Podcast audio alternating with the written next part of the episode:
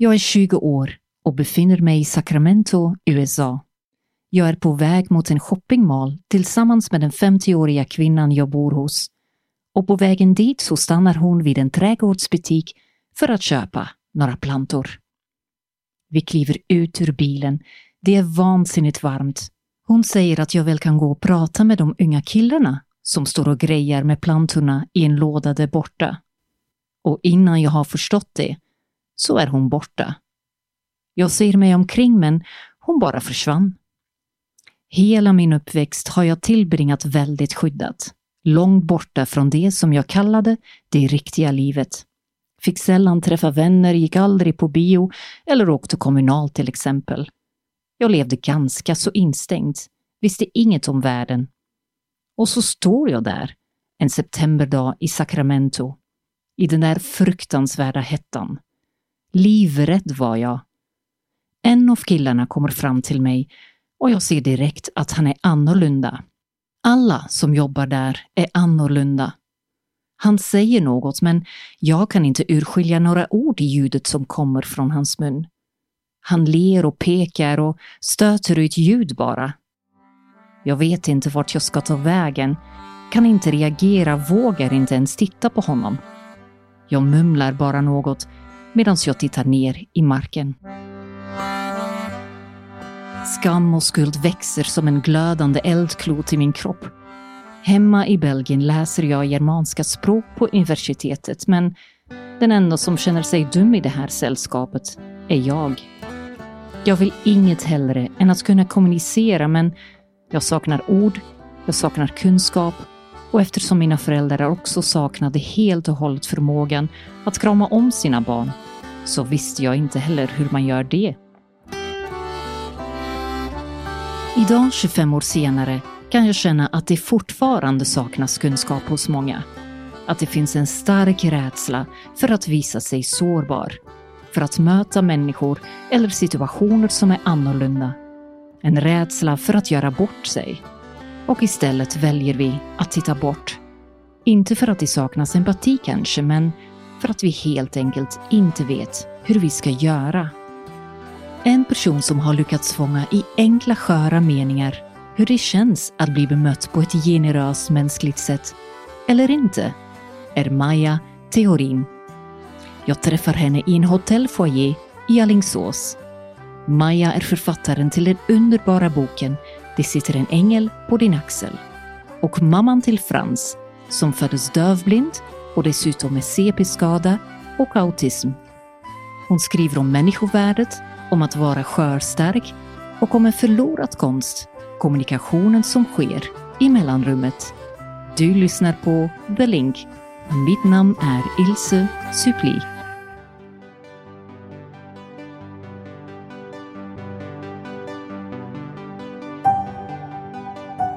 Jag såg min son rakt in i hans vackra själ och han såg mig och något som varit upprört inom mig stillades.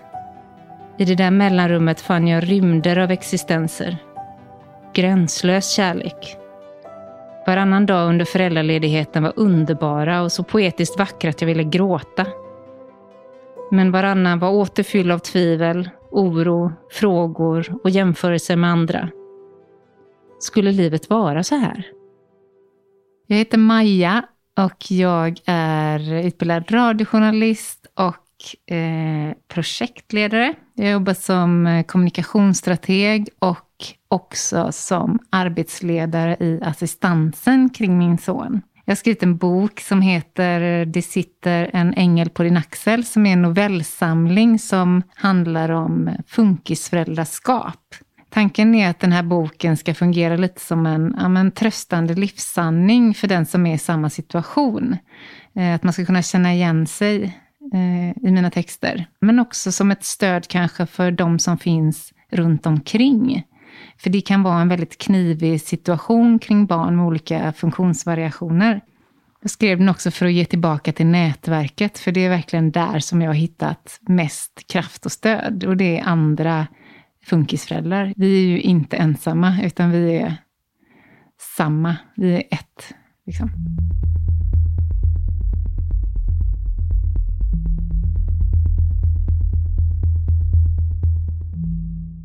Långsamt lägger jag på luren. Sa jag ens hej då till överläkaren på CE-teamet? Jag kan inte tänka klart. Min blick har istället naglat fast på den lösa träflisen på fönsterblecket jämte den vinröda gamla läsfåtöljen jag sitter i. Jag måste limma den där flisan innan den ramlar av och jag tappar bort den. Jag måste limma den där jävla flisan nu. Med ögonen fästa vid det trasiga fönsterblecket kommer tårarna äntligen. Överläkarens nasala röst ekar i huvudet. Jag brukar inte ge sådana här besked över telefon, men... Våg efter våg av smärta, ilska, ledsenhet och upprorstankar övermannar mig. Varför just min son? Varför Frans? Detta också, det är så jäkla orättvist. Och sen, hur fasen ska jag fixa detta? Tankarna snurrar och flyktinstinkten mobiliserar sig fysiskt när hela kroppen följer med in i affekt, reagerar på känslan av katastrof, ännu en gång. Adrenalinet pumpar runt i musklerna men jag håller tillbaka, hårt. Frans och hans pappa är där uppe och de väntar på att jag ska berätta vad de kommit fram till på Salgrenskas öronklinik. Efter månader av undersökningar, borttappade journaler och inbokade tider som fallit mellan stolarna skulle vi så äntligen få svar. Skärp dig Maja, håll ihop nu. Men tankarna bryr sig inte om att jag kämpar emot, de överfaller från sidan istället. Kommer han aldrig kunna höra musik? Kommer han aldrig kunna tala? Det gör ont! Skriker jag?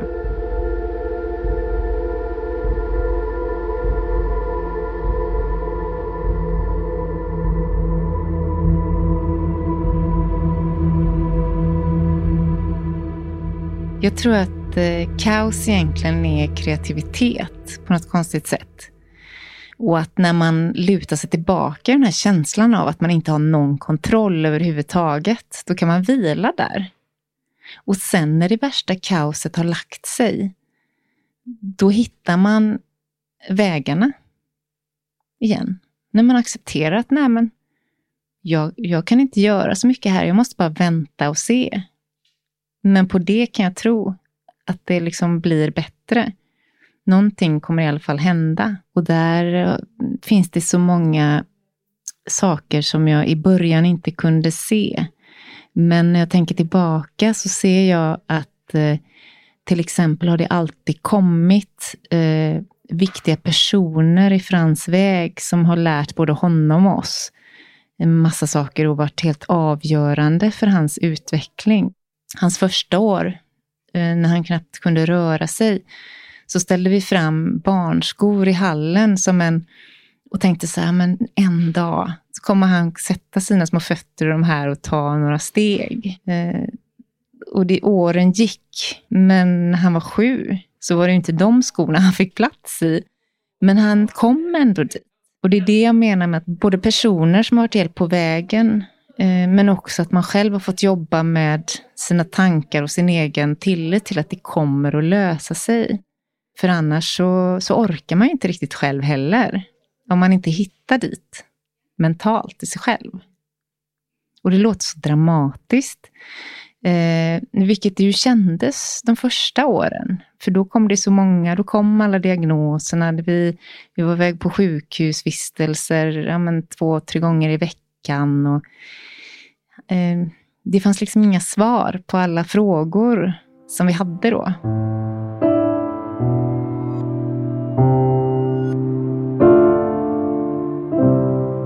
Bara för att jag inte vet så behöver det inte betyda att eh, det inte kommer lösa sig.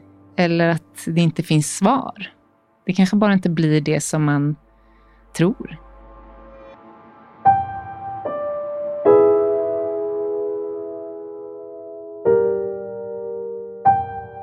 Jag höll min bebis Frans, ett och ett halvt år gammal, i famnen och han log och skrattade mot mig, lullig av smärtstillande och helt aningslös av vad som väntade honom.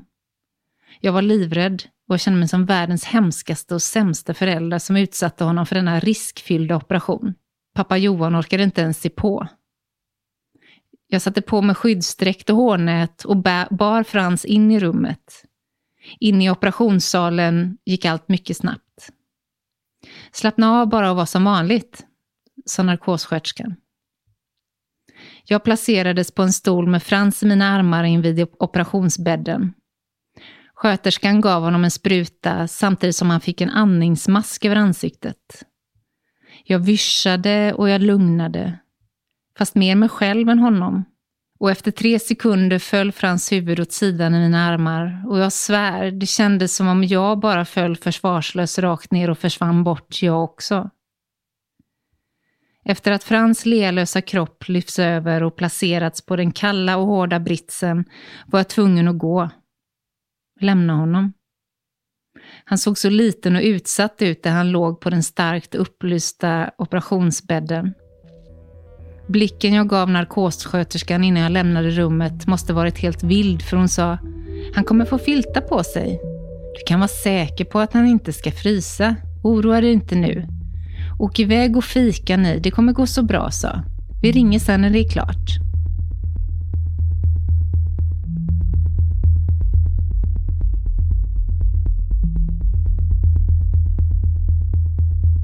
Valet att eh, han skulle få en inopererad hörsel. Och det kan ju låta som att det är eh, självklart att man ska ta, ta till sig en sån operation. För Frans pappa var det ingen tvekan en av hans stora sorger var ju att hans son till exempel då inte skulle kunna lyssna på musik, och, för det har varit en viktig ingrediens i hans liv.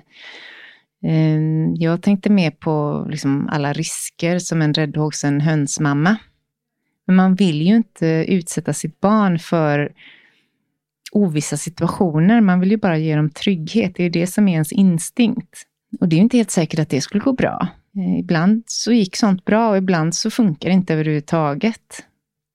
Men då åkte jag och träffade lite andra föräldrar i ett nätverk där de hade gått igenom samma sak. Och då kunde jag ställa massa frågor och bli, bli lugn och trygg i det. Och ta det beslutet, för jag fick exempel på andra som, där det hade lyckats och gått väldigt bra och så. Jag tror att man måste hitta de där liksom ledstjärnorna och de här personerna som har varit med om samma sak. Så då valde vi ju den vägen. Det gick ju väldigt, väldigt bra då. Så det, det är man ju hemskt tacksam för. Men det tyckte jag var ett svårt val ändå.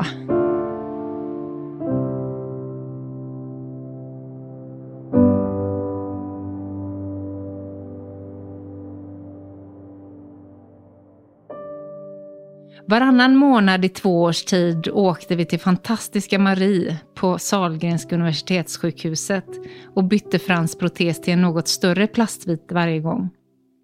Det friska ögat växte och protesen banade väg för att även höger ögonhåla följde med.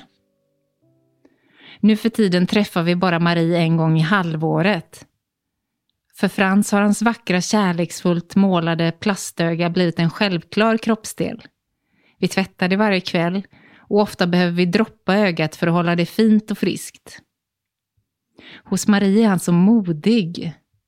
Marie får hans tillåtelse att ta ut protesen för att slipa, måla eller justera den på olika vis. Men han rör sig inte ur fläcken förrän han får tillbaka sitt öga igen. Visst är han ledsen, men han härdar ut för han vet att han måste.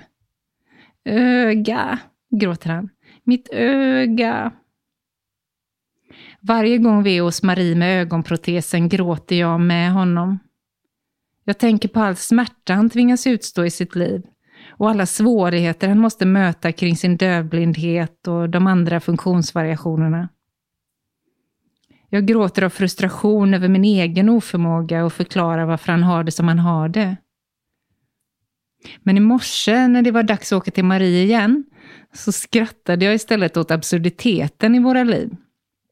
På köksbordet hittade jag nämligen en kom ihåg-lapp som Frans pappa hade skrivit. Och det handlar inte om att ta fram mat ur frysen eller glöm inte köpa mjölk eller om något telefonsamtal eller så jag måste ringa. Glöm inte Frasses öga, stod det med ett utropstecken. Nej, det kommer jag inte göra. Är det något som för alltid sitter på min egen näthinna så är det just Frans högra öga.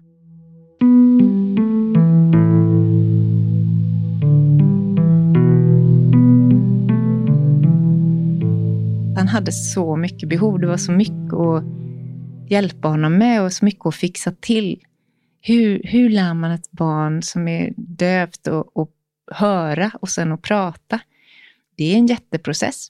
Det är inte bara att koppla på en hörsel och sen så går det av sig själv.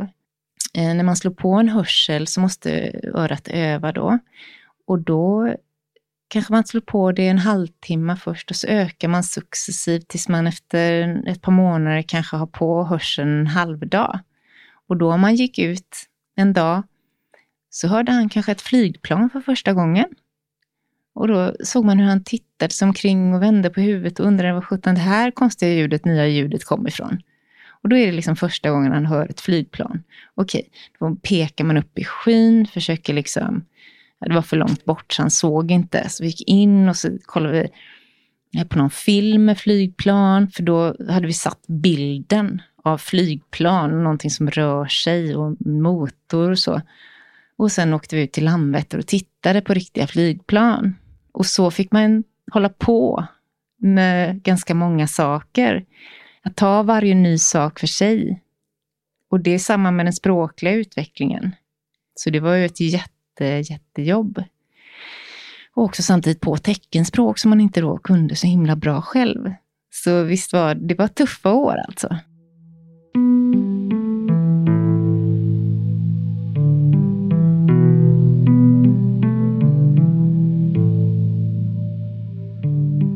Jag var ständigt helt slut och jag sov ju urkast. Och liksom, jag var förkyld och typ sjuk hela tiden. Liksom, för att jag var så himla sliten. Flera år var det så tills det gick liksom för långt och då insåg jag att jag måste plocka in mig själv i kontexten också. Jag kan inte bara ge allting till, till min älskade son. Jag måste börja träna igen. Jag måste äta bättre, ta hand om mig själv, eh, hitta också vad jag tycker är roligt. För jag tappade humor. Jag tappade, jag tappade liksom förmågan att skratta.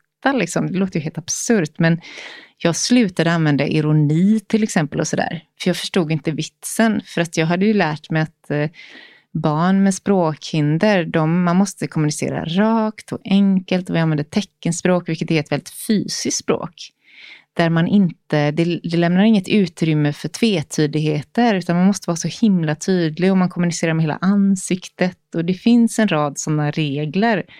Och jag tror att jag tog till mig dem alldeles för hårt.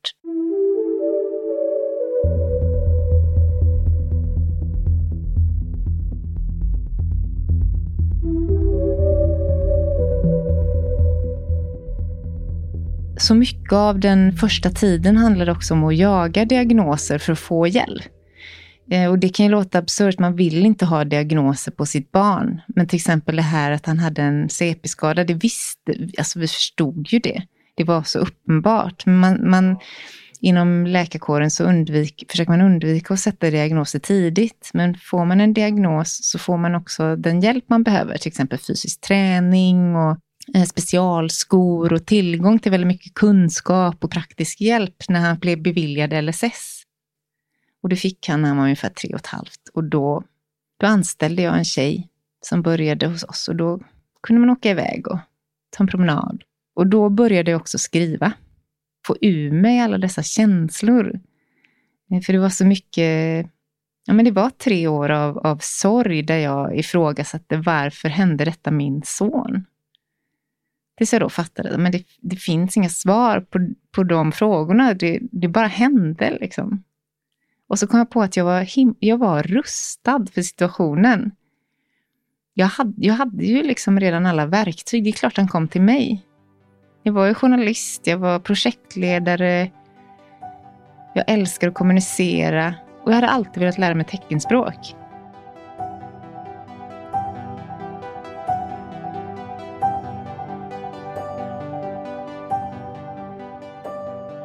Under resans gång, om man får säga så med Frans, så tycker jag att jag har fått en massa bekräftelser på att detta är rätt, vilket i processen då har gradvis varit en del av acceptansen kan man väl säga då. där den första sån händelsen egentligen var att en dag när jag var ute och drog vagn, när han var kanske men, ett halvår gammal eller så, eh, då så såg jag helt plötsligt att Eh, i vagnen så låg en nalle som hade bara ett öga. Storyn bakom den här enögda nallen är att eh, när jag och Frans pappa var på bröllopsresa i USA så eh, under första veckan så var vi i San Francisco, så gick vi in i en affär och i den här affären ser jag helt plötsligt en nalle som jag bara kände instinktivt, den här måste jag ha. Och jag, jag menar, jag har aldrig köpt en nalle i hela mitt liv. Eh, men då var det en enögd nalle som eh, på etiketten hette Furillo. Och den här nallen satte jag sen i framsätet på bilen eller längst fram vid vindrutan och så åkte den med oss hela vägen genom USA i sex veckor och så. Och sen så den här dagen så låg den i Frans vagn och då tänkte jag bara shit, jag visste ju redan detta. Jag liksom på något sätt, det var, det var så meningen att han kom. Och då kände jag bara så här, men gud, det är lite som att jag har kallat honom till mig liksom, ja men det bara blev, det var någonting, ja det låter så flummigt, men det föll liksom på plats att det här var så, det var bara så här det skulle vara. Det var inget som var konstigt här.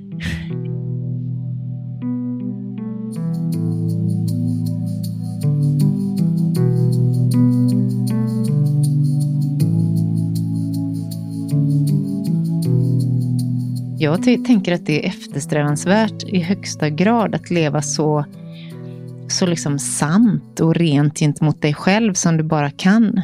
Och det enda sättet är ju bara att lägga ner det som inte funkar. Och det tänker jag också var en sån grej som släppte väldigt snabbt efter han kom. Då hade, stod jag inför valet att vara konstant liksom ledsen för att jag gick och jämförde honom med andra barn till exempel då. Eller att bara släppa det. Och då var det bara att släppa. Där är ju ett sånt exempel på vad som, hur, hur hans närvaro i mitt liv som hans mamma har ju förändrat mig så mycket. Jag bara slutade jämföra mig. Jag har ju bara skalat av superhårt. Och blivit väldigt duktig på att prioritera och så. Det finns ju inte en sekund i mitt liv som inte jag lägger på någonting som inte känns meningsfullt. Och det är ju ett sätt att växa upp också, tänker jag, så det kommer väl med åldern på de flesta människor. Mm. Till exempel en sån sak som förlåtelse. Alltså jag orkar inte gå omkring och vara sur på människor eller arg på någonting. Då det är bara att släppa och gå vidare. Ja men fasen, jag tänker, livet är så kort, eller hur?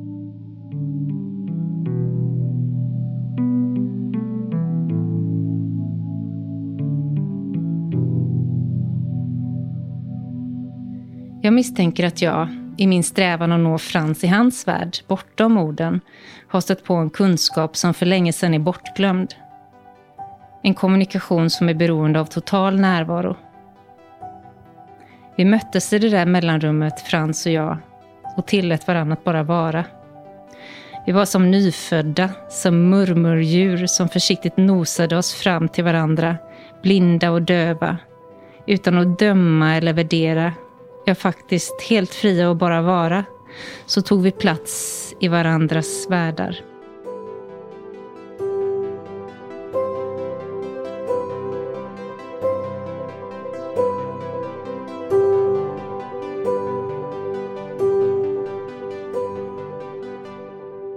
Det sättet som vi kommunicerar med Frans idag som 13-åring är eh, väldigt, väldigt likt så som vi egentligen började kommunicera med honom. För förutsättningen, de eh, hinder han har i vägen är ju fortfarande detsamma och de är bestående. Vi står nära honom när vi pratar. Eh, även om han förstår tal och själv pratar nu för tiden så är det ändå så att det måste vara väldigt tydligt och att han mycket läser på läppar så vi tecknar ju ofta samtidigt det är som att vi har svept en varm filt kring Frans och under den filten byggt upp en egen värld för honom. eh, som är fylld av kärlek och värme och förståelse. Och där vi släpper in bara vissa människor och vissa situationer. För det går inte att ta in hela världen som den ser ut till honom på det sättet rakt av. Det är så mycket som han som blir obehagligt och konstigt för honom. Jag menar, det är klart att vi kan gå på stan och vi kan sitta och fika. Vi var och bovla i söndags och det är inga konstigheter, men jag tänker att jag, eller vi då, försöker placera honom i vänliga och skyddade miljöer där folk har förståelse. Tills den dagen han själv vill ta andra steg. Och det där får man ju lätta successivt. Och man får verkligen jobba med att man inte blir överbeskyddande och så. Eh, jag menar, det var ju så sent som förra året som han fick eh, gå själv till en, till en granne.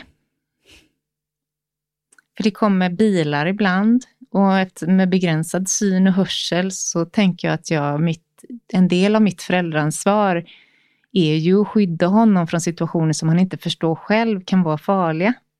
Men då...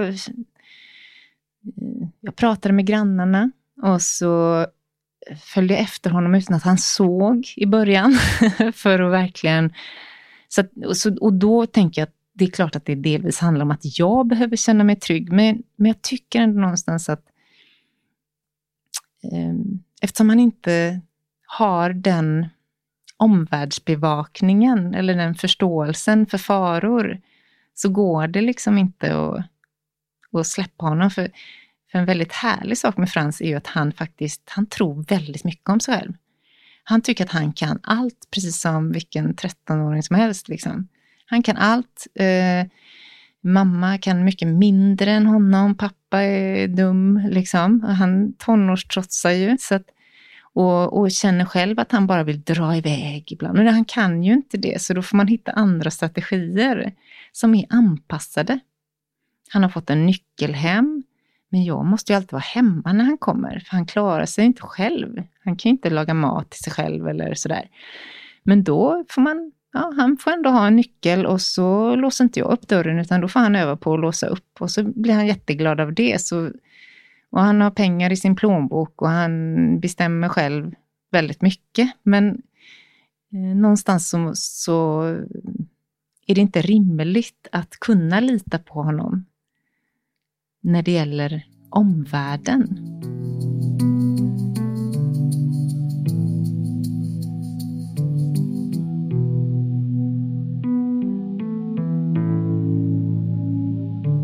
I mötet med andra förmänskligas du eller inte. Som förälder till barn med funktionsvariation är jag ofta med om ovanliga och nya situationer kring min son. Situationer som gör att jag känner mig utsatt och pressad på olika sätt. Jag tvingas öppna mitt hjärta och göra mig sårbar inför människor jag aldrig förut träffat. Jag behöver ofta be om hjälp. Och i dessa stunder av själslig skörhet är bemötandet av största vikt. Det behövs nämligen inte mycket för att vågskålen ska tippa åt det ena eller andra hållet. Ett obetänksamt eller ovänligt ord vid fel tillfälle. Eller tvärtom. En konkret omtanke i form av ett glas ljummen sjukhussaft är av helt avgörande betydelse för hela händelseförlopp. Efter Frans senaste operation fick han en hemvirkad nalle av en sköterska som med största allvar på rösten berättade för honom att hon bara gav dessa vackra dyrgripar till extra modiga barn. Sköterskans sätt att bemöta honom fick Frans att växa flera meter av stolthet. Han sov med den virkade nallen länge efter det. Och mamman blev också upplyft av vetskapen av att det finns människor där ute som ser och som gör de där till synes små sakerna som ger sån kraft vid helt avgörande tillfällen. Som förälder till ett barn med funktionsvariation så tror jag att en delad känsla är att man befinner sig ganska ofta ändå i någon form av kris. Delvis utvecklingskris för att man måste evolvera ganska snabbt för att komma över sina egna issues för att kunna vara stark för det här barnet. Men också för att man ständigt är så himla orolig och har har få riktlinjer att gå efter. Och i de här stunderna, eh, som då kommer ganska ofta, så blir man väldigt känslig. Och då är det extra viktigt med bra bemötande. Och det är det jag menar, man har, aldrig, man har ingen aning om vad människor har varit med om. Du möter dina kollegor varje dag på jobbet eller du möter kvinnan i kassan eller någon på ett sjukhus eh, och du vet inte vad den personen har för, har haft med sig tidigare i sitt liv eller just den dagen. Du har ingen aning. Och därför är det så viktigt att alltid ha respekt och vara generös. Det tycker jag, så tycker jag alltid man ska försöka tänka om människor. Och det går ju såklart inte, men på något sätt den grundinställningen. Jag minns eh, en, en eh, pappa som vi gick på teckenspråkskurs med. Han berättade, de, de levde på sjukhus för de hade ett barn, en tjej som var väldigt infektionskänslig. Eh, och hon hade också kommunikationssvårigheter, så därför så gick de på den här kursen. Men han berättade för mig eh, att de, de sov varannan natt på sjukhuset med det här barnet och det var liksom ständig stress och press och dålig sömn då kan man förstå. Det här var år. Och så var det någon gång när han var på väg till jobbet från sjukhuset så skulle han bara stanna på macken så här. Och han, var han liksom orkade knappt köra för han var så himla trött så han skulle köpa en kopp kaffe. Så när han kommer fram till kassan så märker han att han har glömt sin plånbok. Och då står han där och så hittar han liksom fem spänn i fickan och så kostade kaffet 12 kronor. Och så sa han, ursäkta mig, jag, jag glömde liksom plånboken på, kan jag få ta den här koppen kaffe ändå för fem kronor? Och då så svarade en ung tjej i kassan bara, nej, det kostar 12 kronor. Och då tänker jag bara så här, men herregud, kunde du inte bara gett honom kaffet? För då tappade han det. Han beskrev det för mig som en av de mest fasansfulla situationer han har varit med om, för han var så på gränsen. Han bara, han, han bara började gråta och bara gick ut.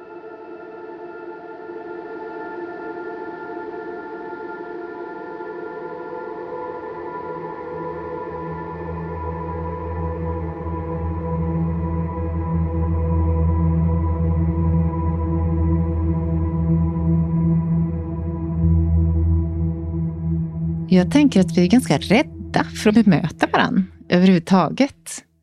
Eh, och det är ju jättevanligt eh, att, att folk har tittat och undrat kring Frans. Eh, vad har han för konstiga hörapparater som sitter fast på, vid öronen där? och vad, vad konstigt han pratar. Och, och har pratat många gånger över huvudet på honom och kanske till mig eller hans pappa istället och så. Så jag tänker att det finns mycket att lära där. Att man, man behöver fundera kring hur man själv är i sådana situationer, hur man tar till sig när någonting är lite annorlunda. Och jag tänker att man inte behöver vara så rädd för det. Människor som är i den här situationen med sitt barn eller sig själva är ju så luttrade på något sätt. Så att fråga personerna, titta den personen i ögonen och, och fråga rakt av, hur mår du? Eh, och försök att ta det helt naturligt.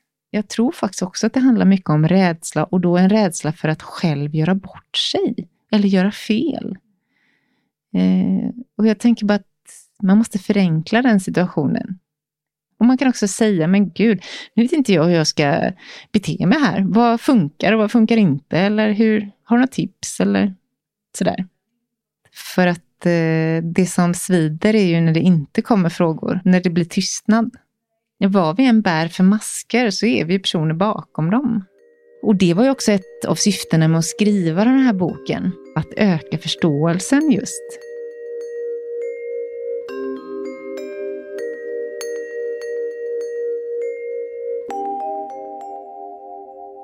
Jag tänker att en, en central fråga Eh, hela tiden har varit både kring Frans och i mitt liv i frågan varför. Och det är samma sak i min yrkesroll. Att man alltid måste fråga sig varför. För att se om man är på rätt spår. Och jag tror att det är en central fråga i alla människors liv. För jag menar, är inte det den stora frågan? Alltså, varför är vi här? Jag menar, vi ska ju ändå dö allihopa. liksom varför? och jag tänker att, att försöka hitta hitta sitt eget svar på den frågan ger en, eh, ja, men en riktning. Och i mitt varför så har jag ju plockat in att ja, men, därför att han kom till mig. Därför att vi båda skulle lära oss en massa saker ihop.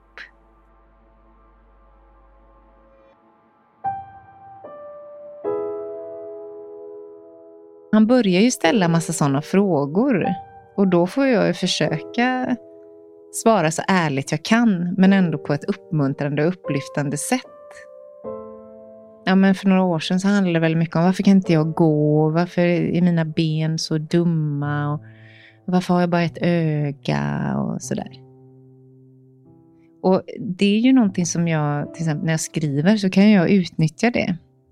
Att jag kan tänka att ah, men han, eh, han glömde det ena ögat i himlen. och så skriver jag någonting om det för att jag tycker att det är lite så vackert och poetiskt liksom, att skriva någonting om det då. Men det är ju ingenting som jag svarar Frans med. Utan då får jag ju bara svara att amen, alla människor har helt olika förutsättningar och ibland så, så föds man eh, där det syns på, på ett sätt och är skapad på ett sätt där det syns att det är någonting som är annorlunda. Men alla människor är olika och väldigt annorlunda och alla har någonting som de tycker är svårt eller jobbigt och hemskt och så. Och, så, och samtidigt överöser de med kärlek och berättar hur fantastisk han är och så.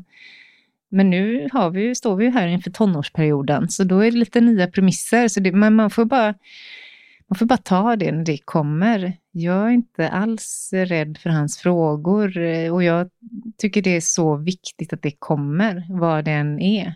Och det som är fördelen med honom, kanske då eh, på ett sätt eh, gentemot normalutvecklare, det är ju att han är så himla transparent och har inte det här skyddsmekanismen att tänka att, att det här kanske man inte ska fråga eller så, utan han, ställ, han säger ju allting som han tänker eller funderar över eller så, utan filter. Och då är det ju mycket enklare än kanske ett barn som gömmer det inom sig eller som redan har massa vad ska man säga, skyddsmekanismer eh, och så. För det har inte han än. Jag är helt säker på att jag skulle vara en annan person om jag inte hade fått Frans. Han, han har ju fått mig att bli mig själv. Eh, för att det som jag ställdes inför tvingade mig att evolvera på ett sätt som jag aldrig skulle ha gjort annars. Och det tänker jag också, alltså det hade varit väldigt bra, tänker jag, om stödfunktioner kring sådana här föräldrar och sådana här barn hade haft lite den inställningen. Att säga lite mer så här, men grattis! Fasen vilken chans du har fått att utvecklas. Det kommer att bli så tufft, men det kommer att vara värt det. Du kommer få så mycket ny kunskap, så mycket kärlek, så mycket lycka på helt oväntade ställen som du aldrig hade kunnat föreställa dig. Vilken chans! Och det kommer gå bra. Ja, men sista novellen i samlingen heter eh, Det sitter en ängel på din axel och det är ju titelnovellen. Jag skrev den, eh, den är sprungen nu ur en vision som jag fick eh, av en liten pojke som satt på ett moln och letade efter eh, sina föräldrar. Och jag tänker att eh, vi är verkligen the perfect match. Jag är helt övertygad om att detta är ingen slump, att jag fick just denna underbara gosse, utan han kom till mig för att han valde mig. Eh, jag, kan, eh, jag är lämpad att ta hand om honom och jag älskar honom över allt annat. Och det, ja, men det är bara helt rätt.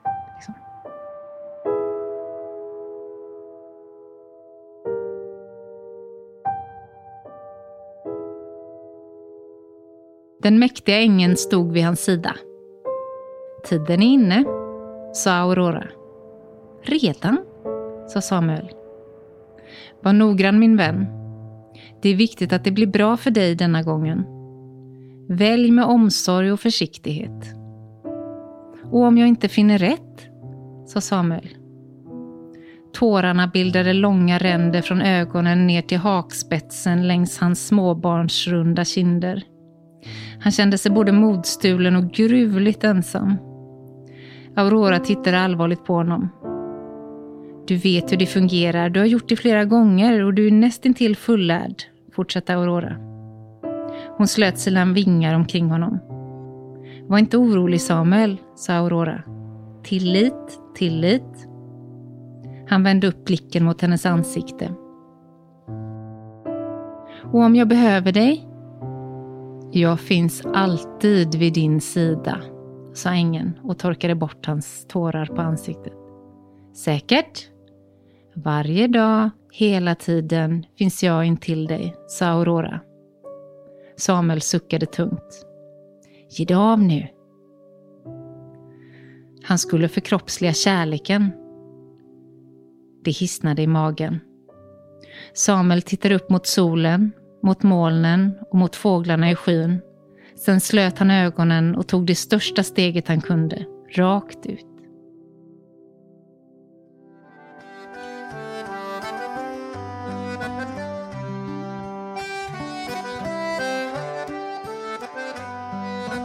Du hörde Maja Theorin. Vill du veta mer gå in på hennes hemsida www.thinktext.se. Där kan du också köpa hennes bok Det sitter en ängel på din axel. Det var allt för det här avsnittet av The Link. Musiken gjordes av Frank Duchenne. Soundtrack Treodore. Mitt namn är Ilse Supli. Tack för att du har lyssnat och ta hand om varandra.